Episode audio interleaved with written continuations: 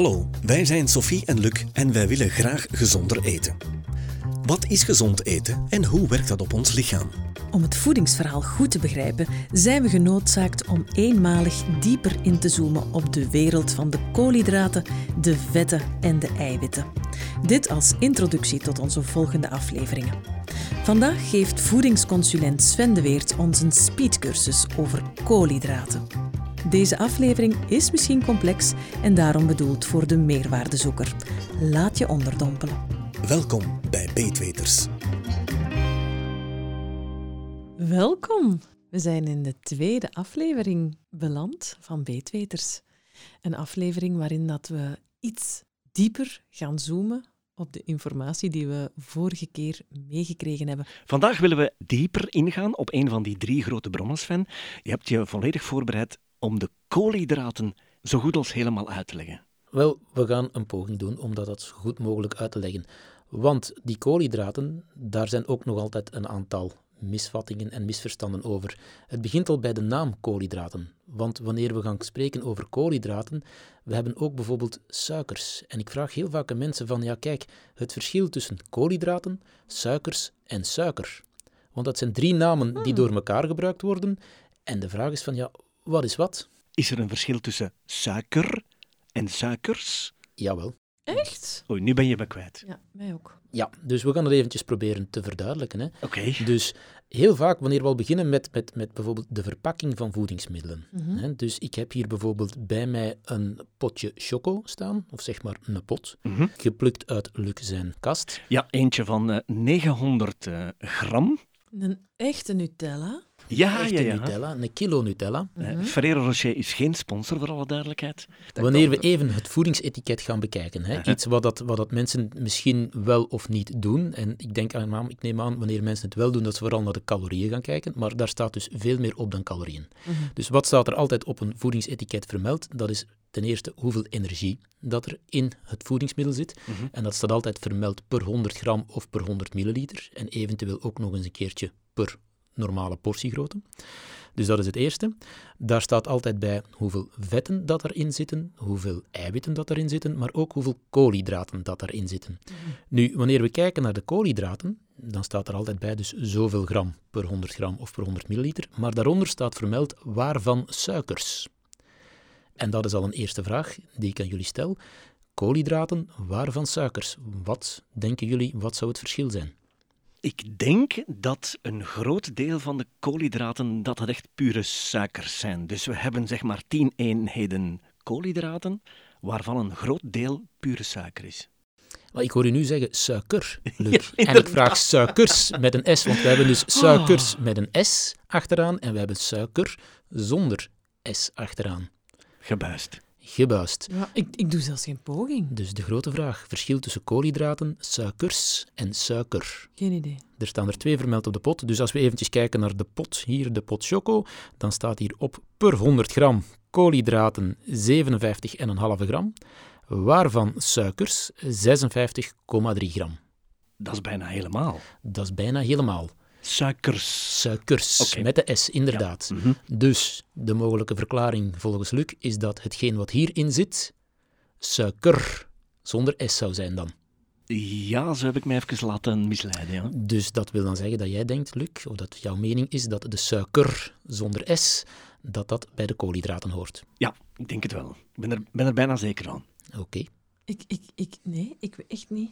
Je weet het echt Nee, niet. Ik, zit, Nee. ik zit te hunkeren Dus- naar eh, een antwoord. Nu, ik ga er even een andere verpakking bij nemen, de iets gezondere, want Luc zegt van oké, hier, de suikers, dat is suiker. Hè? Dus eh, zoals ik neem aan dat jij dan denkt aan de klontjessuiker, zoals we die kennen, Luc. Ja, hè? Dus dat dat hierin steekt. en wat dus, zit er eh, dan op die ene gram nog over? Die noten dan die erin zitten of wat? dus- Ja, dat is toch een evenwichtig ontbijt, heb ik mij altijd laten wijsmaken door de Ja. reclame. Ja, dat is ook Nu, ik neem er eventjes de verpakking van de appelsap bij. Ja? En hier gaan we kijken. eh, per 100 milliliter is het hier dan. Koolhydraten 10,6 gram. Waarvan suikers, met de S, Luc, 10,6 gram. En hier staat op, op de appelsap, het is ongezoet. 100% puur sap. Ja, nu begin ik te twijfelen. Maar in appels zit suiker. Ah ja, natuurlijke suiker. Ah ja. Natuurlijk. Appelsiensap ook, hè? dat is toch hetzelfde suikerniveau dan bijvoorbeeld een cola, dacht ik? Wel, er is dus heel wat verwarring. Hè, wanneer we kijken naar koolhydraten, suikers en suiker. En dat gaan we proberen van eventjes te verduidelijken, om dat niet al te moeilijk te maken, want in de literatuur komen er dan nog een hele hoop andere moeilijke namen bij, zoals sucrose en sacchariden Ja, ja, en al ja. van die zaken. Glucose? Inderdaad, er is er ook nog eentje van. Lactose valt Ja. er ook nog onder. Fructose is er ook nog bij. Dus er zijn een hele hoop benamingen. Zijn die verdoken suikers. Wel, dat is weer een naam. We hebben ook nog verdoken suikers, we hebben natuurlijke suikers, we hebben toegevoegde suikers. Ah. Eh, straks komen we ook nog bij de snelle suikers en de trage suikers. Dus er zijn heel wat namen onder de koolhydraten en onder de suikers. En de meeste mensen zijn dan eh, de weg een beetje kwijt. Ik zie een bos en ik zie heel veel bomen, maar ik zie geen verschil. Oké, verlos ons. Maar we zullen eerst nog eventjes teruggaan naar die koolhydraten. Hè. Zoals Luc zei, dat is de energie wanneer we een intensieve inspanning gaan doen. Dus, dus boven het hashtag hijgen. Hijgniveau. Ja, boven het hashtag hijgniveau. Dus, maar ook voor onze hersenen. Dus koolhydraten zijn een bron van energie voor onze hersenen. Dus die hersenen die draaien ook op koolhydraten. Dus we hebben er altijd wel een beetje van nodig. Nu, die koolhydraten, daar zijn dus verschillende onderdelen van. En dus als wanneer we gaan kijken naar koolhydraten, waarvan suiker en zo, eigenlijk is dat een chemische onderscheid dat ze maken. Hmm. Ja. We hebben koolhydraten. Als we nu eventjes kijken naar de structuur, een koolhydraat kan uit verschillende moleculen bestaan. We gaan er niet verder op ingaan van wat dat allemaal is, want dat maakt het een beetje moeilijker. Maar we hebben koolhydraten die uit één moleculetje kunnen bestaan. Ja? En een voorbeeld daarvan is glucose. Ja, glucose is een naam voor een koolhydraat bestaande uit één moleculetje. Waar vinden we dat in terug? Dat is bijvoorbeeld onze druivensuiker. Dus de druivensuiker, de dextro-energie die dat we in de supermarkt aan de kassa vinden, dat is, bestaat uit glucose. Dus dat is een koolhydraat dat uit één moleculetje bestaat. Fructose is zo'n ander moleculetje, dus ook gewoon één moleculetje. En waar vinden we fructose in terug? Enig idee? Fruit? Ja, inderdaad, fructose vinden we terug in fruit. Dus bestaat ook gewoon uit één moleculetje.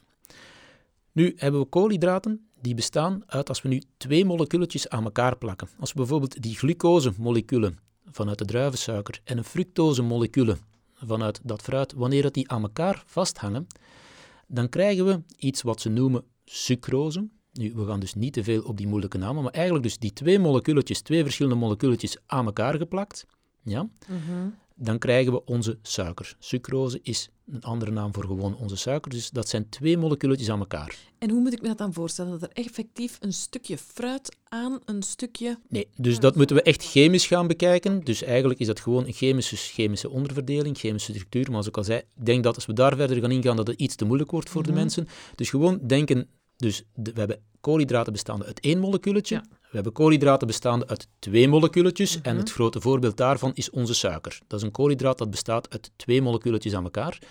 Een ander voorbeeld van die twee moleculetjes aan elkaar, dat de meeste mensen al wel zullen kennen of van gehoord hebben, is onze lactose. Lactose is eigenlijk gewoon twee moleculetjes aan elkaar vast. En waar vinden we lactose terug? Ja, dat is in de melkproducten en sommige mensen hebben problemen om dat te verteren en dan ontstaat de lactose-intolerantie. Dus lactose, koolhydraat, dat uit twee moleculetjes bestaat. Dan hebben we nog een verder onderverdeling. We hebben koolhydraten die bestaan tussen de 3 en de 9 moleculen. Ja, een voorbeeld daarvan is maltodextrine en dat vinden we terug in de energiedrankjes die dat heel veel sporters tot zich nemen. Daar is voor de koolhydraatbron over het algemeen eh, maltodextrine.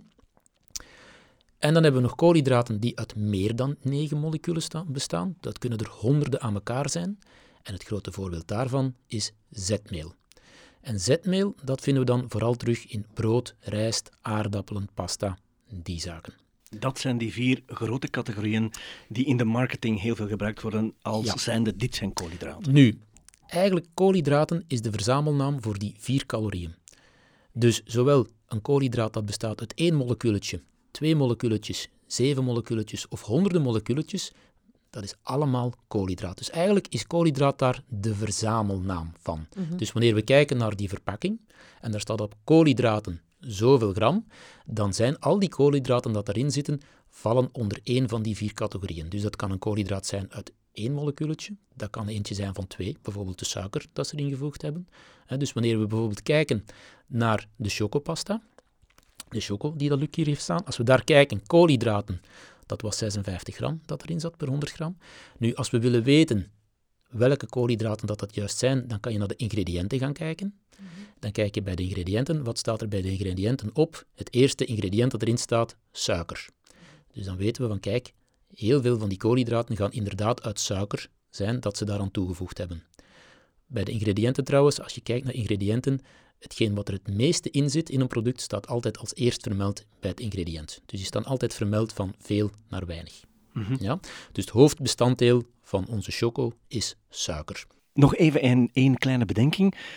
Tot voor kort dacht ik dat de koolhydraten dus die vier groepen waren, zijn de pasta, rijst, aardappelen en brood. Ja, koolhydraten zijn dus eigenlijk die vier groepen, plus de sucrose, dextrose en al die 1 en 2 moleculaire Klopt. dingen. Dus koolhydraten is gewoon de grote verzamelnaam, gaande van één molecuul tot honderden moleculen. En heeft dat iets met, met de zwaarte te maken? Of, of, Nee. of hè, dus als, je, Nee. als ze met honderd tegen elka- elkaar plakken, zijn ze dan Heeft daar eigenlijk Zwaarder? niks mee te Nee. maken. Het is Oké. eigenlijk gewoon een chemische indeling. Dus koolhydraten gewoon van 1 tot die 100 moleculen.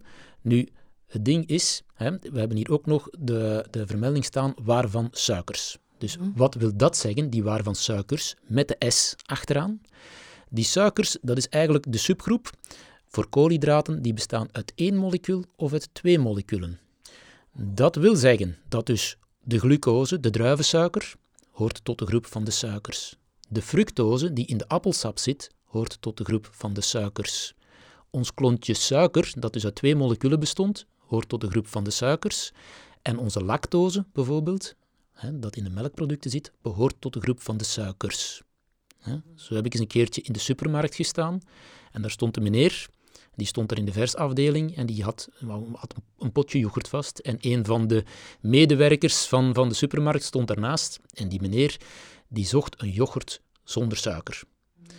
En ze waren aan het kijken van achter op de verpakking. Nu, in al de yoghurts, als je een yoghurtje puur natuur neemt, daar staat op koolhydraten 3,4 gram. Ik heb hier een voorbeeldje, koolhydraten 3,4 gram, waarvan suikers 3,4 gram. Nu, dat is een yoghurt puur natuur, dus daar is geen suiker aan toegevoegd. Dus, dus niet diegene met aardbeiensmaak of met andere smaakjes. Nu, mensen konden niet goed, hè, wisten niet goed hoe dat, dat kon. Tuurlijk. Nu, wat zit er in melkproducten in? Dat is de lactose. Lactose behoort tot die groep van de suikers met de S, waardoor dat dus daarop stond koolhydraten 3,5 gram, waarvan suikers 3,5 gram. Dus dat is geen toegevoegde suiker, het zijn geen klontjes suiker dat ze aan toegevoegd hebben, is gewoon de van nature aanwezige lactose die erin zit. Maar stel dat je nu yoghurt zonder suiker wil eten, zoals die meneer, raden we dan dat potje yoghurt aan? Suiker zonder de S bestaat uit twee moleculen. Mhm. Dus dus de, eigenlijk noemen we suiker zonder de S, als we dat de wetenschappelijke naam, dat is onze sucrose. Mhm. Ja. Suiker zonder de S behoort tot de groep van de suikers en behoort tot de grote groep van de koolhydraten. Mhm. Nu, dat maakt het gewoon allemaal heel ingewikkeld. Tuurlijk. Ja. Waarom? Is daar een groot verschil tussen, tussen al die zaken? Dus tussen bijvoorbeeld glucose, fructose, eh saccharose, al van die moeilijke namen, is daar een verschil tussen? Nee.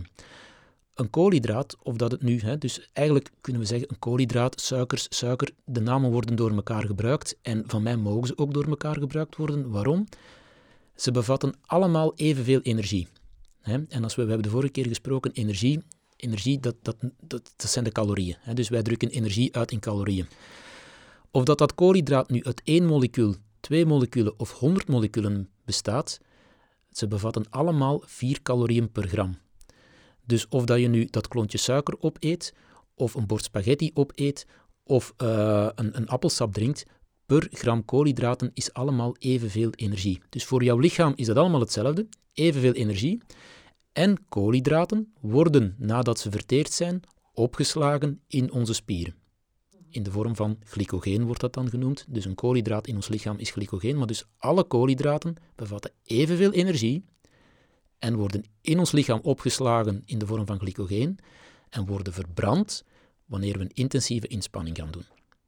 Dus eigenlijk moet je naar energie enkel maar gaan kijken naar de totale hoeveelheid koolhydraten en niet naar die onderverdeling waarvan suikers, want de energie is net hetzelfde. Maar waarom maken we het dan zo moeilijk op die etiketten?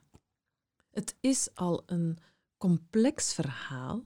Mhm, klopt. Wat maakt dat fabrikanten dat, Daar, dat dan zo dat is, dat is een verhullen, of- officiële, eh, een officiële wetgeving, dus bepaalde zaken moeten officieel op het etiket vermeld worden. Waarom dat dat zo vermeld wordt, ja, dat ga je eventjes aan andere mensen moeten Mhm, vragen. mhm. Eh, maar het is inderdaad een moeilijke, omdat heel veel mensen denken dat de waar van suikers verhaal, dat dat dus toegevoegde suiker is, wat dus niet altijd waar is. Dat kan gewoon lactose zijn die van nature ergens in zit. Dat kan de fructose zijn, dus een appelsap ongezoet. En wat is het grote verschil? Een cola bevat 10 gram koolhydraten per 100 milliliter, waarvan suikers 10 gram. Dus eigenlijk is cola is water waar suiker aan toegevoegd is. De appelsap bevat 10 gram koolhydraten per 100 milliliter, waarvan suikers, met de S dus ook, 10 gram. Nu, bij de cola is de toegevoegd in de vorm van klontjes suiker. Bij appelsap is dat van nature aanwezig in de vorm van fructose. Maar eigenlijk bevat dus een appelsap evenveel koolhydraten als een cola. En heb ik dat dan goed begrepen dat aan de yoghurt bij de man in de supermarkt geen suiker of suikers waren toegevoegd, maar dat die suikers er van nature in zitten in de vorm van lactose. Lactose. Dat klopt. Wauw, Ja. ik heb iets geleerd vandaag.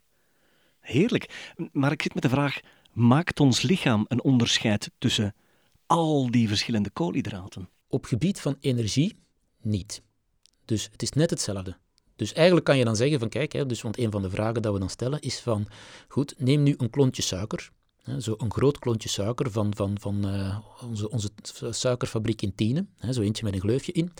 Dat is 5 gram. Dus dat is 5 gram suiker of 5 gram koolhydraten, want het is eigenlijk hetzelfde. Dat is 5 gram. Laten we nu bijvoorbeeld een snee brood nemen. Dus één snede brood van een lang brood is 15 gram koolhydraten. Dat is zo'n vierkantige boterham. Dat is zo'n vierkantige boterham. Dat is, 15, dat is ongeveer 15 gram koolhydraten. Dus eigenlijk is dat hetzelfde als drie klontjes suiker eten.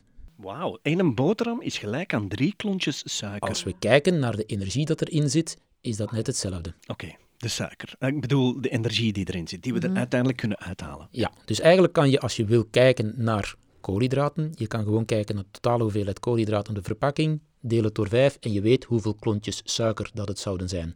Nu, als we eventjes spreken over die klontjes suiker, de klontjes suiker die hebben al wel in de laatste jaren een beetje negatieve eh, klank meegekregen, want de meeste mensen weten nu wel dat suiker in de vorm van dus echt toegevoegde suiker, zoals we het dan kennen, dat dat niet zo gezond is. Het is zelfs zo dat er aanbevolen wordt van niet meer dan 20 gram toegevoegde suiker per dag te nuttigen. Wat eigenlijk op een glas cola eh, neerkomt. Hè. Ja. Dus één frisdrank per dag en dan zitten we aan die hoeveelheid. Dus omdat de toegevoegde suiker niet zo gezond is voor ons lichaam. Ja, het zit overal in. Het zit inderdaad overal in. Nu willen we weten of dat het natuurlijke suiker of toegevoegde suiker is. Dan moet je bij de ingrediënten gaan kijken en dan kan je zien van, ah, is dat iets dat er van nature in zat? Wat dus Dan is het Oké.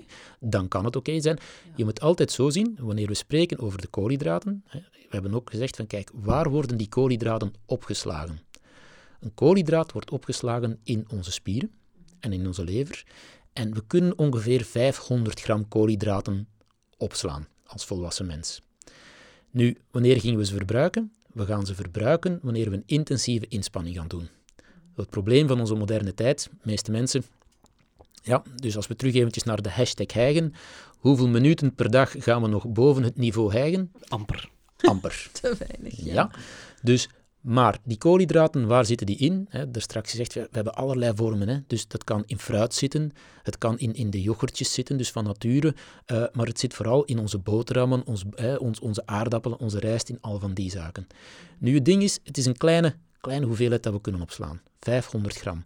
Wanneer we ze niet verbruiken, dan is het grote probleem een beetje dat dat potje koolhydraten, dat kleine potje, of dat kleine batterijtje, dat zoals jij het noemt, Luc, dat die energie te veel wordt en dat dat potje gaat overlopen. Nu, wat gebeurt er met het teveel aan koolhydraten? Dus als jouw spieren en jouw lever vol zit met die koolhydraten, ja, dan zegt het lichaam, die opslagplaats zit vol, nu moeten we het ergens anders gaan opslaan. En dan wordt jouw koolhydraat opgeslagen in de vorm van vet. Op mijn heupen dus. In mijn buik. Ja, en dat is ook zo. Bij de man zit het vooral rond de buik en bij de vrouw zit het gewoon ietsje lager. Vandaar. Vandaar. Ik Nu, vroeg mij al af, waar En komt het vandaan? Dan maakt het lichaam ook geen onderscheid meer. Dus of dat dan die, die, die gram koolhydraten te veel uit de boterham komt, uit de appel komt of uit het glasje cola komt, te veel is te veel. Ja, en het lichaam maakt dus ook geen onderscheid of het nu lactose of fructose of dextrose is. Het maakt niet uit. Nee, qua kwestie van energie uh, is het voor het lichaam allemaal hetzelfde. Nu, we spreken hier enkel over energie. We hebben het nog niet gehad over gezond. Dat is een ander Ah, ja. verhaal. Oei. Ik onthoud nu dat het allemaal het grote magazijn ingaat. Ja, dus hoeveelheid energie is hetzelfde, opslagplaats is hetzelfde en met een teveel wordt ook net hetzelfde gedaan. Ja. Nu zitten we nog wel, zoals ik zei, voor mij, ik maak geen onderscheid meer tussen koolhydraten, suikers en al van die zaken, want dat wordt het alleen maar ingewikkeld voor de meeste mensen. Hè? Dat maakt het alleen maar ingewikkelder. Waar we wel naar kijken, wat ik wel belangrijk vind, we hebben snelle koolhydraten of snelle suikers, trage koolhydraten of trage suikers. En dat is iets waar dat sommige mensen al wel van gehoord hebben. Ja. Snel en traag. Traag en snel in de vorm van verbranding. Daarvoor niet in de vorm van verbranding, maar ook in de vorm van opnemen. Dus wat is eigenlijk snel en traag? Dat is eigenlijk ja, heel simpel. We eten het koolhydraat op. Mhm. Hoe snel is die energie uit dat koolhydraat beschikbaar voor ons lichaam? Ah ja, oké. Dat bedoelen we met snel en traag. En dat kan voor- en nadelen hebben. Mhm. Dus een voordeel van een snel koolhydraat is dat het heel snel verteert, dat die energie onmiddellijk beschikbaar is, dus vrij snel beschikbaar is. Een nadeel daarvan is dat gewoonlijk die energie ook weer heel snel weg is. Wanneer kan dat handig zijn, dat je snel een koolhydraat hebt? Bij het sporten? Inderdaad, bijvoorbeeld bij sportinspanningen. Je wil dat die energie bij het sporten heel snel toekomt, dat die heel snel in je spieren zit, dat je die heel snel kan gebruiken. Ja. Wanneer wil je dat, dat niet? Wanneer is die energie niet heel, heel snel nodig? Dat is als we bijvoorbeeld hier zitten. Dus wanneer we nu dat koolhydraat, een heel snel koolhydraat zouden eten of drinken, die energie komt heel snel binnen. Probleem is, we doen er niks mee, want we verbranden dat koolhydraat eigenlijk niet. Dus ja, dan kan het lichaam zeggen van, dan gaan we dat maar opslaan en bijhouden voor later. En dat gebeurt dan in een andere vorm. Maar soms, goh, ik kan dat zo hebben dat, dat ik het gevoel heb van oei, ik heb een lage bloeddruk. En dan wordt er toch gezegd, ja, maar drink een cola. Ja, inderdaad. Nu, er is ook altijd nog een heel kleine hoeveelheid koolhydraten of suiker die dat aanwezig is in ons bloed. Ja, dat wordt onze bloedsuikerspiegel genoemd. Nu, wat gebeurt er wanneer we een koolhydraat eten? Koolhydraat wordt opgegeten, koolhydraat wordt verteerd en dat komt in ons bloed terecht. En wanneer we dus een heel snel koolhydraat gaan eten, dan komt dat heel snel in ons bloed terecht. En wanneer we dat niet gaan verbruiken, wanneer we niet aan het sporten zijn, dan kan onze bloedsuikerspiegel enorm stijgen. Dus dan komt er eigenlijk een enorme hoeveelheid koolhydraten of een enorme hoeveelheid suiker in ons bloed terecht. En dat is niet zo gezond. Is dat wanneer dat we, wat je van de kinderen zegt, van ze worden hyper? Ja, dus dat geeft enorm veel energie. Nu, of dat je van suiker hyper wordt, daarvan de ene studie zegt wel, de andere zegt niet. Hè? En ik denk dat de meeste ouders of de meeste leerkrachten dat zelf al wel zullen weten van ja wel of ja niet. En daar gaan we eventjes niet dieper op ingaan nu. Maar dus een snel koolhydraat levert enorm veel energie, dus o- en direct onmiddellijk beschikbaar in het bloed. Dus de bloedsuikerspiegel gaat stijgen. Wanneer we aan het sporten zijn, geen probleem, want dan gaan we dat verbruiken. Dus tijdens het sporten gaat die bloedsuikerspiegel eigenlijk niet eh, zo stijgen. Dus, dus tijdens het sporten is het een beetje een ander verhaal. Maar wanneer we hier nu zo zitten, dan gaat onze bloedsuikerspiegel enorm stijgen. Het grote probleem is, is ook heel snel terug weg, dat snel koolhydraat. Dus na die grote stijging volgt gewoonlijk de grote dip. En dan komt in één keer gaat die bloedsuikerspiegel enorm dalen. En dan gaan onze hersenen eventjes een tekort aan eh, die koolhydraten ervaren, omdat die bloedsuikerspiegel zo laag is. En dan kan je zaken krijgen zoals concentratieverlies en je kan je misselijk voelen en het lukt allemaal zo goed niet meer. En dan kunnen ze zeggen van oké, drink dat colaatje en dan is die energie weer meteen onmiddellijk beschikbaar. Maar dan zijn we een beetje ja, op en af aan het gaan, want dan gaan we dus constant, hè, een beetje een vicieuze cirkel, we gaan, we gaan op, heel snel, maar nadien volgt dan weer de af en dan gaan we weer op om dat, om, de, om dat tal elke keer op te vangen en zo gaan we heel de dag door. Is dat het moment dat ik in de namiddag op mijn werk naar een snack grijp? Ja, dat is gewoonlijk het moment, dus eh, iets na het eten, één uurtje of zo na het eten, dat mensen dan ineens zich moe voelen en loom voelen en dat je dus zin krijgt. Dus de hersenen geven het signaal van kijk, die bloedsuikerspiegel staat nu weer te laag, dus die geven het signaal, dan krijgen we zin naar zoet en dan gaan we dus naar het volgende grijpen. Ik denk dat ik het begin te begrijpen, want ik heb eigenlijk de fout gemaakt door een snelle koolhydraat 's middags te eten, die een hoge piek geeft, maar ook snel weg is, waardoor mijn lichaam gaat krijsen om weer die suiker op te nemen. Ja, dat klopt. Dus de snelle koolhydraten, daarvan wordt gezegd van kijk, die gaan we liever niet nemen. Dus het wordt zelfs vanuit onze eigen overheid aanbevolen van kijk, snelle koolhydraten liefst niet uh, wanneer we niet aan het sporten zijn. De trage koolhydraten wel. Dan is natuurlijk de vraag, wat is een snel koolhydraat? En wat is een traag koolhydraat? Het lag op het puntje van mijn ja, tong. bij mij ook. Wel, daar zijn categorieën voor ondertussen. We nemen Ja, nu pen en dus papier. Ja, ik ben bezig. We nemen nu pen en papier. Wel, tegenwoordig is alles te vinden op, eh, onze, op onze internetsites. Hè. Ja, Dus ja, maar ze hebben mij wel afgeraden, blijf weg van Dr. Google. Ja. Er zijn inderdaad eh, verschillende, verschillende getalletjes over te vinden ook. Nu, snel en traag. Vroeger was men van mening hè, van hoe langer het koolhydraat, dus hoe meer moleculetjes dat het bevatte, hoe trager dat het zou zijn. Waarom is dat? Wel, een koolhydraat moet in ons lichaam verteerd worden.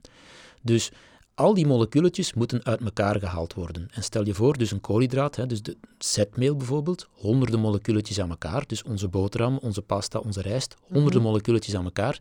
Dat moet allemaal uit elkaar getrokken en geknipt worden totdat nog één moleculetje is elke keer. Dus die honderden moleculetjes moeten uit elkaar geknipt worden totdat dat honderd enkelvoudige moleculetjes zijn. Amai. Dus ging men ervan uit van kijk, hoe langer dat koolhydraat, zoveel te langer dat dat duurt vooraleer dat dat vrij kan komen, hè, want er is veel werk aan, dus dat is een traag koolhydraat. Als dat natuurlijk bestaat uit één moleculetje, ja, dan moet daar niks meer mee gebeuren, dus dat zal heel snel opgenomen worden. Dus vroeger zei men, de korte keten, dus de korte koolhydraten, dat zijn de snelle, en de lange keten koolhydraten, dat zijn de trage. Het klinkt alsof dat dan niet waar is. Wel, dat is ook zo, want ze zijn dat dan gaan testen. Ja? Oké. En hoe is men dat gaan testen? Wel, ze hebben als referentie glucose genomen. En glucose bestaat uit één moleculetje. Dat is dus onze druivensuiker bijvoorbeeld. Hè. Dus die druivensuiker. En ze zijn dat gaan testen. Wat hebben ze gedaan? Wel, ze geven u bijvoorbeeld, Luc, ze geven u 50 gram van die druivensuiker. En dan gaan ze kijken hoe snel zit dat glucose, dus die, die koolhydraat uit die druivensuiker, hoe snel zit die glucose in uw bloed. Ja, dat gingen ze testen. En dat hebben ze als referentie genomen en dat hebben ze dan als maatstaf gezet, zoals, en die maatstaf is 100. En dat noemen ze de glycemische index. Al van gehoord, maar... eh, ja, dus de bij. glycemische index van uw koolhydraat is eigenlijk gewoon de snelheid waarmee dat het binnenkomt. Ja? Dus de referentie is glucose. Je hebt ook bepaalde lijsten waarbij dat de, de, de referentie wit brood is. Ja, dat ze dat genomen hebben, maar we nemen nu eventjes de referentie glucose. Dus ze kijken van goed, we geven nu 50 gram glucose. Hoe snel is dat beschikbaar als energie in uw bloed? Oké, dat is de maatstaf 100. Nadien geven ze u een ander koolhydraat en dan gaan ze kijken en dan zeggen ze, oh, dat duurt bijvoorbeeld 30% langer voor leer het beschikbaar is. Wel, dan ligt die snelheid op 70. Zo is dat gerefereerd. Dus de maatstaf is de glucose en al de andere zaken worden daaraan gerefereerd. Ik ben mee. Ja. Dan hebben ze gezegd van kijk, alles met een snelheid van 70 of hoger, dus een glycemische index van 70 of hoger, dat is een snel koolhydraat. Daarvan wordt dan gezegd van kijk, best niet eten, want dat heeft de nadelen van die snelle koolhydraten, met name heel snel dus stijging van uw bloedsuikerspiegel, met nadien ook een dip als gevolg alles tussen de 50 en de 70, daarvan van gezegd van ja, dat zijn middelmatige, die snelheid is middelmatig, hè, waarbij dan natuurlijk 51 veel beter is dan 69. Daarvan werd gezegd van kijk, die kunnen we eten, maar met mate. Dus de portie kan al een beetje verhogen, maar nog altijd niet te veel eten. En alles onder de 50 werd dan gezegd van kijk, dat zijn trage koolhydraten, die gaan heel, heel traag hun energie vrijgeven en zo, dus daar kunnen we veel langer mee, mee toekomen. Hoe heet die eenheid dan? Dat is plus 70... Nee, mm. dat is gewoon de glycemische index van het koolhydraat. Ja? Dus nu, daar zijn heel de lijsten van terug te vinden hè, op internet, waarbij dat die getalletjes al wel eens een keertje kunnen schommelen. Hangt ook af van, van, vanuit welk land, vanuit welk voedingsmiddel, hoe dat, dat voedingsmiddel bereid is. En nu ben ik op zoek naar referenties, Sven. Naar referenties. Eh, wel, wat daaruit kwam bijvoorbeeld, eh, wat we kunnen zeggen, dus we weten bijvoorbeeld een klontje suiker, hè, dus heeft een snelheid van 70. Dus Ja. snelle Dat is een suiker. snelsuiker. Dus daarvan zullen de meeste mensen al wel weten van, oh ja, kijk, als we hè, suiker en als we dan bijvoorbeeld cola en zo gaan drinken, dat dat vrij snel is. Hè? Want cola zit ook, in die orde cola zit ook zo ergens rond de 70. Ja, als we bijvoorbeeld een appelsapje gaan drinken, dus dat heeft een snelheid van 40. De glycemische index van appelsap is 40. Dus de hoeveelheid energie dat in een cola of in een appelsap zit, is hetzelfde. Klopt. Maar bij cola gaat onze bloedsuikerspiegel vrij snel stijgen, terwijl dat, dat bij appelsap een heel stuk trager is. Dus als we onze kinderen dan toch een suikerdrankje willen aanbieden, dan moeten we ons ervan bewust zijn dat de koolhydraten of het aantal suikers op het gelijk niveau is. Alleen dat de appelsap veel trager in het bloed zal opgenomen worden dan de cola. Ja, dat klopt. Maar ik ga daar En wel... wat is dan het voordeel of het nadeel? Wel, nog? het voordeel is dat wanneer we de cola drinken, de bloedsuikerspiegel enorm stijgt, Ja? maar nadien er ook een serieuze dip is, waardoor dat men terug hunkert naar opnieuw. Want het, eigenlijk wil het lichaam die bloedsuikerspiegel terug op normaal krijgen, dus vraagt eigenlijk naar koolhydraten, maar de meeste mensen maken dan de fout om weer een snel koolhydraat te gaan eten of drinken, en zo gaan we dus hè, heel de dag door. Ik ga wel eventjes de opmerking maken bij die fructose. Dus bij de appelsap. Appelsap bestaat uit fructose. Dus eigenlijk appelsap gemaakt van ons fruit. Nu, fruit heel goed en heel gezond. En de reden waarom dat fructose een heel stuk trager is, is omdat fructose langs onze lever gaat passeren. Dus wordt niet meteen, niet rechtstreeks opgenomen in het bloed, wordt langs de lever getransporteerd, waardoor het een heel stuk trager is. Dus bloedsuikerspiegel gaat veel minder hard stijgen. Probleem is wel, als je heel veel van die sappen, heel veel van die fructose gaat nemen, dan kan je leververvetting krijgen. En dat is een vrij groot probleem, ook bij onze jeugd. Dus heel veel mensen, heel veel jeugd heeft tegenwoordig eh, last van leververvetting. Ze noemen dat niet alcoholgerelateerde leververvetting. Dus want bij mensen die alcohol regelmatig drinken, kunnen we leververvetting zien. Vrij veel mensen, vrij veel kinderen hebben daar al last van als gevolg van te grote hoeveelheden fructose. Hoe manifesteert zich dat? Hoe zien we dat? dat kunnen zien wanneer dat je dus ja, effectief leverproblemen krijgt. Nu, dat ga je zo meteen op, op jonge leeftijd nog niet hebben. Uh, maar ik heb ooit gesproken met een leverspecialist vanuit uh, Gasthuisberg Leuven. En dus blijkbaar heeft 30 tot 40 procent van onze min 16-jarigen al leververvetting. Wauw. Maar ik onthoud hieruit wel dat het dan toch belangrijk is wat ik smiddags eet. Even teruggrijpen naar het uh, verhaal op mijn werk.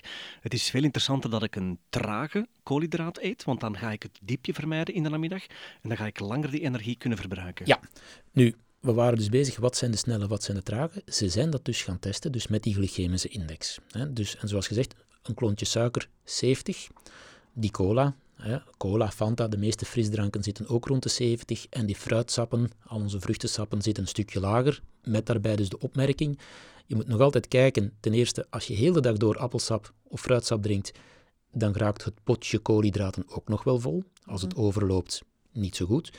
En dus alles moet langs de lever passeren. Dus fruit in de, ja, fruit in de vorm van fruit, oké. Okay, want dan eet je één appel, maar ga je drie glazen appelsap drinken, dat zijn al een hoop appels die je eigenlijk gegeten hebt. Hè? Dat is waar. Dus in de andere vorm. Nu, de zaken die we misschien wel dagdagelijks gaan eten of gaan doen, zaken zoals bijvoorbeeld rijst. Hè? Dus rijst zitten we ergens, bij witte rijst zitten we ook zo rond de 70, bij bruine rijst zitten we een stukje trager. Dus de bruine rijst is op dat gebied een stukje gezonder dan de witte rijst. Wanneer we bijvoorbeeld naar, naar de pasta gaan kijken, dus uh, onze spaghetti, dan gaan we kijken, bij een uh, bruine spaghetti zit een glycemische, uh, bij een witte spaghetti, sorry, zit die glycemische index rond de 40, 45. Die dus is dan traag, ja. ja. Terwijl bij een bruine zit hem nog lager, zitten we ergens 30, 35. Dus ook vandaar dat vanuit, als we kijken naar sporters, heel veel sporters, wat gaan we eten voor de inspanning? Ja, pasta, spaghetti. Als we vragen waarom, ja, dat weten we niet echt, omdat iedereen dat doet. nu, dat is omdat het, het verhaal van glycemische index is een twintigtal jaar geleden ontstaan. En daar hebben ze gezien van, kijk, pasta, als sporter ga je heel veel koolhydraten verbruiken, dus je moet heel veel koolhydraten eten voor jouw sportinspanning, dat wordt zo aanbevolen. En vanuit dus de testen van glycemische index bleek dat dat een heel traag koolhydraat was, dus daar ging je heel lang mee toekomen. Vandaar dat mensen pasta gingen eten. Mijn man gaat regelmatig fietsen en je eet dan een boken met choco. Wel, daar gaan we nu naartoe gaan. Kijk, hè, dus, dus de pasta is bijvoorbeeld, hè, zit, zit vrij traag. Nu, quinoa is eentje, hè, want quinoa tegenwoordig, hè, dus eigenlijk een beetje de rijstvervanger, de meeste mensen zullen hem wel kennen. Quinoa is ook heel traag, zit zo ook zo ergens rond de 30, 35. Dus quinoa is een heel traag koolhydraat. Wanneer we nu gaan kijken naar de boterham, dan zien we dat brood een glycemische index heeft van 70. Een snel koolhydraat. Ja, en op het niveau van een cola. Ja, en op het niveau van een klontje suiker. En dat is een beetje zoals ik uh, daar straks zei, Luc. Dus als we gaan kijken naar uh, een klontje suiker was 5 gram koolhydraten of 5 gram uh, suiker. Eén snede brood is 15 gram. Dus de glycemische index van brood en van suiker is hetzelfde. Wat wil zeggen dat onze snede brood eigenlijk voor ons lichaam een beetje hetzelfde is als drie klontjes suiker. Daarom dat er aanbevolen wordt, als we vroeger zeiden van ja kijk, brood is, is niet zo goed uh, als ontbijt en zeker niet als we daar gaan choco op doen. En we hebben het hier gezien, in choco zit 56 gram suiker en dat is effectief in de vorm van suiker, dus dat is een snelle. Dus dat is heel veel suiker dat we ineens s'morgens binnenkrijgen, met als gevolg, ja, bloedsuikerspiegel gaat enorm stijgen. Als ontbijt eten we de boterham met choco en rond een uur of tien ja, staat die bloedsuikerspiegel enorm laag en dan hebben we een tussendoortje nodig. -hmm. En dan smiddags wordt er dikwijls terug een boterham met choco verorberd, zeker door kinderen. Mm -hmm. Dan denk ik, goh, we ja. proppen die gewoon vol ja. met pure, pure suiker. Klopt, klopt. Dus toch als ontbijt, als we kijken naar, naar, naar wat er gebeurt met bloedsuikerspiegel, niet het meest ideale. Ik wou net zeggen, ik zie een lichtpuntje in, aan het einde van de tunnel. Als we het zover kunnen brengen dat wij kunnen kiezen wat we wanneer eten, dan gaan we toch richting gezondere voeding. Wel, zo zou het moeten zijn. De meeste mensen zouden moeten weten ja, wat ze eten en waarom ze het moeten eten. Ik denk dan even in de termen van ik heb nu een snelle suiker nodig, want ik ga bijvoorbeeld sporten. Of ik heb een trage koolhydraat nodig, omdat ik daar lang wil mee toekomen. Ja, maar als we eventjes kijken, ik hoor u zeggen, Luc, ik heb een snel koolhydraat of een snel suiker nodig, want ik ga sporten. Dan is mijn vraag, welk soort sport ga jij doen? Voilà. Want de meeste mensen, wanneer ze gaan sporten, dan is het doel van sporten, ik wil vet verbranden. Ja, dus we gaan joggen, want ik wil vet verbranden. En wat ga ik eten voor ik ga vet verbranden? Ah, ik ga heel veel suiker eten voor ik vet wil gaan verbranden. En dat klopt niet echt. Dus we geven het lichaam, we steken het vol met suiker. Die bloedsuikerspiegel stijgt. Het lichaam zegt van ja, oké, nu gaan we sporten en mijn bloedsuikerspiegel staat hoog, dus ik ga suiker verbranden. Dat wordt dus een nuloperatie? Uh, ja, Ai, ik zat te denken in termen van de Ronde van Vlaanderen. Ik ga daar uren fietsen. Die mannen hebben toch heel veel koolhydraten nodig? Ja, maar die gaan dat niet eten in de vorm van boterhammen met choco's morgens. Dus die tijd is ondertussen ook wel voorbij. Ah, hoe doen die dat dan? Wel, tegenwoordig wordt er dus ook gekeken naar de trage koolhydraten. Dus, dus heel vaak staat er bijvoorbeeld quinoa, uh, zaken zoals rijst uh, op het menu. Uh, havermout, hè, want havermout, als we kijken, havermout, uh, glycemische index van havermout is een heel stuk lager, zit ergens rond de, rond de 40 of 50. En havermout is een beetje aan een revival bezig. En heel veel mensen zullen wel merken, zullen wel weten van ja kijk, als ik s morgens mijn boterhammen eet, heb ik om 10 uur terug honger. Als ik s morgens havermout eet, ja, dan kom ik toe tot s middags. Maar hoeveel dan? Want ik probeer dat inderdaad wel. Ik heb een Griekse yoghurt, ik doe er havermout en een beetje noten en zaden in. En een paar uh, stukjes vers fruit. Maar ik stel me dan wel de vraag, ja, hoe vol mag mijn potje met havermout gevuld worden? Hoe, hoe kan je dat dan weer wel, dat berekenen? Hangt, of... Dat hangt een beetje vanaf van, van wat ga je doen? Hè? Hoeveel, hoeveel, ga je, hoeveel ga je verbruiken? Dus ga jij s'morgens ontbijten en zeg je van kijk, en ik rij nu met de wagen naar het werk en ik ga een hele dag daar aan, aan mijn bureau zitten, dan ga je niet veel koolhydraten verbruiken. Heb je er ook niet zoveel nodig. Zeg je daarentegen van ja, kijk, ik heb nu ontbijten en ik ga nadien twee, drie uur sporten en dat is vrij intensief, ja, dan moet je juist wel die koolhydraten, kan je die wel gaan eten, want dan ga je ze verbruiken. Gaat de voorkeur ook nog altijd uit naar de gezonde en trage koolhydraten, dus niet naar de boterham met choco, maar bijvoorbeeld wel naar de havermout. Dan nog vind ik het heel moeilijk om te bepalen, hè, stel ik ga een voormiddag aan mijn computer moeten werken, wat is dan veel of weinig? Hoe kunnen we dat leren ja, toepassen? Hoe kunnen we dat leren aanvoelen? Wel, normaal gezien, het lichaam geeft zelf wel aan wanneer het energietekort heeft. Hè. Dus maar tegenwoordig kunnen we heel veel zaken berekenen. Dus we kunnen berekenen hoeveel calorieën dat je ongeveer verbruikt. Dan weten we hoeveel dat je er nodig hebt op een dag. En dan kunnen we bepalen van oké, zoveel procent daarvan gaan we in de vorm van koolhydraten, zoveel procent in de vorm van eiwitten en zoveel procent in de vorm van vetten. Mm ik begrijp Sophie wel wanneer ze zegt, uh, hoe kunnen we dat weten? Want voor mij voelt dit ook aan alsof we hier echt een studie moeten gaan maken. Wel, ik denk niet dat het zo nodig is, want eigenlijk is het vrij simpel, luister naar je lichaam. Als je de juiste dingen eet, dan gaat het lichaam het zelf wel vertellen. En de meeste mensen voelen het ook zo wel aan. Nu, als we kijken naar bijvoorbeeld die boterham, hè, dus, dus als, we, als we zien, hè, als, als ik bijvoorbeeld naar jou kijk, Luc, als je s'morgens de boterham zou eten, hoeveel sneden brood eet je?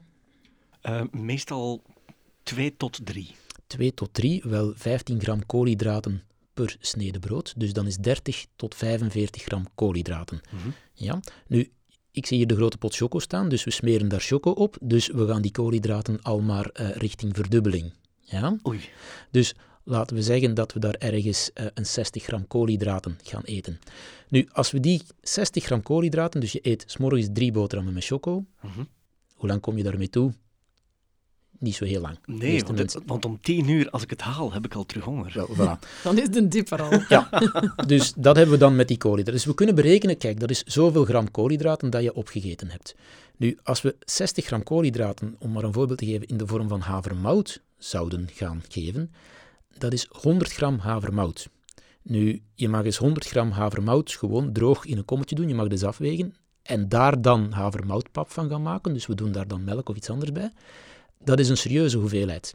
Dat krijgen de meeste mensen morgens niet zo op. Ja? En toch is dat kwestie van energie evenveel. Maar je gaat zien, ja, je, je, hebt meer moeilijkheden om het op te eten en je doet er ook veel langer mee. Dus hoeveel heb je nodig? Wel, dat hangt er een beetje vanaf van, van, van eh, wat je het lichaam geeft. Hè? Het klopt wel. Ik had vroeger cornflakes. En toen had ik ook rond 10 uur echt met een dip. En ik denk dat ik dat zelf, zelfs een beetje geconditioneerd eh, had in mijn hoofd. Vanaf dat die klok rond de 10 uur kwam, kreeg ik echt honger. Echt Wel- goesting. Cornflakes, als we kijken naar de klassieke cornflakes, die hebben een hele hoge glycemische index. Ja, ja. Zelfs nog hoger dan onze gewone suiker. Dus de kom cornflakes eten of een kom suiker eten is eigenlijk een beetje hetzelfde. En sinds dat ik overgeschakeld ben op mijn eh, Griekse yoghurt met fruit en havermout, kom ik gemakkelijker eh, de voormiddag door. Heeft te maken met de bloedsuikerspiegel, die dat dus veel stabieler blijft, waardoor dat die dip niet komt, waardoor dat de trek, de zin naar, het verlangen naar, wordt uitgesteld of niet komt. Vandaar. Nu, dat is ook hetgeen wat er in de laatste tijd gebeurd is. Dus, dus we hebben bepaalde mensen die bepaalde adviezen gegeven hebben. Hè, denk maar aan een Pascal Nasus, die eigenlijk heeft gezegd van, ja kijk, hè, dus, dus waarop is dat gebaseerd? Zegt van, kijk, de meeste mensen doen niets meer. Ik bedoel, kwestie van fysieke inspanning. We rijden allemaal met de wagen naar het werk. Als we met de fiets rijden, is de elektrische fiets. Hè? Dus qua inspanningen, we doen niet zo heel veel meer. Dus die totale hoeveelheid koolhydraten, die moeten we minderen. En van daar dat dan gekomen is van, kijk, de meeste koolhydraten dat wij eten, hè, om eventjes verder te gaan op dat glycemische indexverhaal, dus de meeste koolhydraten die wij eten, die hebben een hoge glycemische index. Ja, het zijn allemaal snelle koolhydraten. En ik denk daarbij aan ons brood, ons rijst, onze aardappelen, onze cornflakes zijn allemaal snelle koolhydraten. Wil dat zeggen dat we die dan niet meer mogen eten? Nee, maar we moeten die minderen. Ja, daar, daarop is eigenlijk heel dat verhaal gebaseerd, dus het stabiliseren van de bloedsuikerspiegel. Wat is de beste manier om, om, om koolhydraten te gaan, te gaan minderen, of om, om heel die snelheid naar beneden te krijgen? Hè? Want we spreken nu van het verhaal glycemische index. Maar als we dus kijken naar bijvoorbeeld de glycemische index, eh, dus zoals ik al zei, het bord spaghetti heeft een lage glycemische index. Nu, het probleem met de glycemische index was van, ze hebben, eh, om dat te berekenen, van alles 50 gram genomen. Dus ze geven jou 50 gram glucose, ze geven jou 50 gram in de vorm van klontjes suiker, ze geven jou 50 gram koolhydraten in de vorm van, van pasta. Maar in het echt is dat bij alles niet zo. Dus als we nu kijken naar bijvoorbeeld het klontje suiker, als je nu één klontje suiker in de koffie of in de thee doet, ja, oké, dat is een snel koolhydraat, maar dat is maar 5 gram, dat is één klontje suiker. Als we dat bord spaghetti dan nemen, ja, dat is wel een heel bord spaghetti. Dus hebben ze gezegd van oké, goed, we moeten daar toch ook eens een keertje rekening mee gaan houden. Hè? En dat is dan een aantal jaren later gekomen. En hebben ze een berekening gaan maken van niet alleen de snelheid, maar ook de portiegrootte, portie, dus de totale hoeveelheid koolhydraten. En dat noemt men de glycemische lading of de glycemische last. En dat houdt rekening met hoe hard jouw bloedsuikerspiegel gaat stijgen. Dus dat houdt gewoon rekening met hoe snel en hoeveel komt er binnen, dus wat is het effect daarvan op jouw bloedsuikerspiegel. En een te hoge stijging van de bloedsuikerspiegel is niet goed, om verschillende redenen. Dus enerzijds eh, gaan we ervoor zorgen dat het teveel dat binnenkomt ja, wordt opgeslagen in de vorm van vet.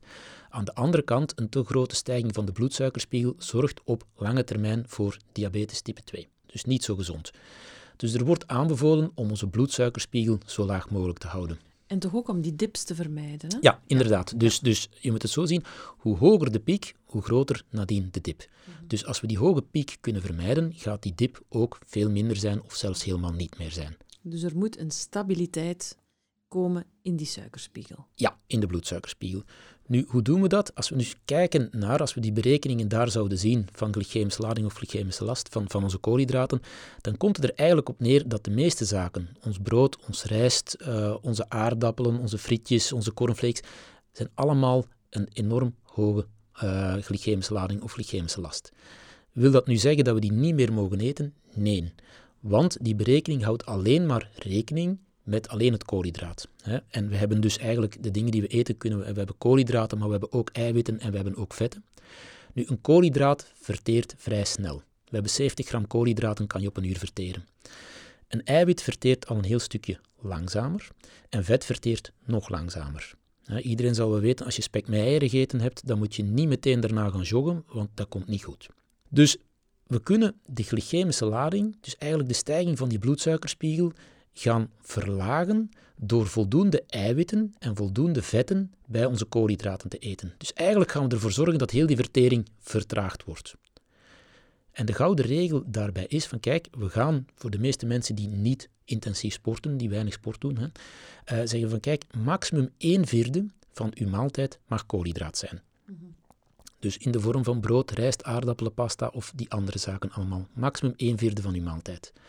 Daar gaan we dan een portie eiwit slash vet bij doen, want de in de meeste producten komt eiwit en vet. Dus denken we uh, vis en vlees en melkproducten, dat zijn zowel eiwitten als vetten, die hangen gewoonlijk bij elkaar vast.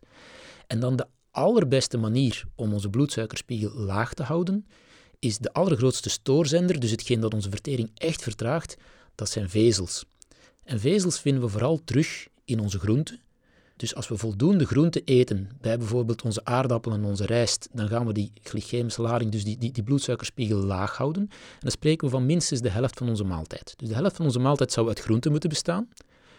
Nu, de meeste mensen eten maar één keer per dag groenten, want ze denken van ja kijk, hè, we gaan anders als we twee warme maaltijden eten, dan, dat is niet goed, hè, dan worden we dik. Maar we eten wel bijvoorbeeld twee broodmaaltijden. Mhm. Het probleem met brood is dat het moeilijk is om daar voldoende eiwitten, vetten en vooral voldoende vezeltjes bij te krijgen om die glycemische lading naar beneden te halen. En als we dan kijken naar wat jij bijvoorbeeld eet, Sophie, dus we eten de havermout, wat van nature al een stuk trager is. Daar gaan we dan de yoghurt bij doen, wat dus de vertering nog gaat vertragen. Als we daar een beetje zaken zoals de noten en de lijnzaad en andere dingen waar veel vezeltjes in zitten, dan gaat die vertering nog vertragen. En dat zorgt ervoor dat jij veel langer toekomt met jouw maaltijd morgens dan met het boterham met choco van Luc. En het fruit? Wordt het dan als een vezel of als een suiker gezien? Alle twee. Dus fruit is, in fruit zitten, zoals gezegd, koolhydraten in de vorm van fructose. Mhm. ja, maar het zijn trage koolhydraten. Ja, en in fruit zitten ook vezels, dus het is de combinatie van de twee. Dus de yoghurt met een beetje fruit en daar dan een beetje gebroken lijnzaad bijvoorbeeld en andere zaken, is een heel goed ontbijt voor mensen die dat s'morgens gewoon gezond de dag willen beginnen en hun bloedsuikerspiegel laag willen houden. Yes. Ik zat te denken aan een experiment dat ik deze week wil starten. Maar als ik het goed begrepen heb, is die uh, havermout met Griekse yoghurt en fruit een ideale switch om deze week eens uit te testen. Ik zou dat zeker eens proberen, Luc. Wat had jij anders als ontbijt? Meestal brood. Met wat erop? Um, een, eh, een, een kippenwitje of een slaatje. Uh, choco. Morgens? Ja. Sla op een boterham morgens. Een, een spread. Een, ah, ja, ja, ja. ja, ja, ja een spread, en dat, dat verstaan we onder slaatje. Oké, goed. Ah, Oké, dus, uh, nee, dat is wel suiker en suikers. Ja, het probleem is een beetje, dus, uh, wat zien we smiddags aan? Mensen gaan een broodje halen, want het is makkelijk, het is ook lekker. En dan, dan denk je, oh, maar we gaan gezond doen. Het broodje gezond. Nu, het broodje gezond is ja, vooral heel veel brood, met daar dan de kaas en de hesp tussen bijvoorbeeld, hè, Luc. Nu, de kaas en hesp kunnen we dan zien als de eiwitten en, en het vet. Mm Hè. Ehm, daar zit dan ergens een blaadje sla verstopt onder de mayonaise. Het grote probleem is, het is nog altijd niet volgens die regels van maximum 1 vierde koolhydraat. Eigenlijk zien we dat daar uh, eh, 50 tot 70 procent van je maaltijd nog altijd koolhydraat is en dat er maar 20, 30 procent dus de eiwitten, vetten en uh, de vezeltjes zijn. Dus eigenlijk, je zou het kunnen omdraaien, eigenlijk zou je uh, kaas en hesp met brood moeten eten in plaats van brood met kaas en hesp. En dat is voor de meeste mensen een beetje moeilijk. Um, en dat is ook niet de meest gezonde combinatie, om het zo te zeggen. Maar qua glycemische lading zouden we het zo moeten zien. Met jullie goed vinden ga ik mijn ontbijt aanpassen deze week. Super. En dan pakken we volgende week de middagmaaltijd aan. Ja, want dat vind ik een van de moeilijkste, de middagmaaltijd. Ik ben het uh, konijnenvoer, zoals ik mijn slaatjes soms noem, uh, beu. Ik heb, ik heb moeite met um, groenten lekker te maken. Oké. Dus uh, ja, met veel plezier. Misschien moeten we het daar eens over hebben. Ja. Ik vind dat ik nu wel veel wijzer geworden ben in verband met die koolhydraten. Ik vond het zeer boeiend. Dankjewel, Sven. Ja, absoluut. En ik kijk uit naar het vervolg. En dan denk ik dat de eiwitten volgende week... Uh... Wel, eiwitten of vetten, daar gaan we nog eens eventjes over nadenken. Dus uh, één van de twee volgende. Dus misschien de vetten, omdat dat ook een energiebron is voor ons lichaam en dat we dan de, vet, de eiwitten doen. Prima, wij kloppen af op de vetten voor volgende week. En ik hoop dat jullie er ook naar uitkijken en uh, evenveel geleerd hebben van deze aflevering als wij. Tot volgende keer. Dag. Dag. Bedankt voor het luisteren. Hopelijk heb je er wat van kunnen opsteken. Heb jij ook een vraag voor Sven of wil je graag iets delen met ons? Laat het ons gerust weten. Als je de aflevering fijn vond, mag je dit ook altijd laten weten op jouw social media kanalen. Tag ons via Beetweters. Een review is ook altijd welkom.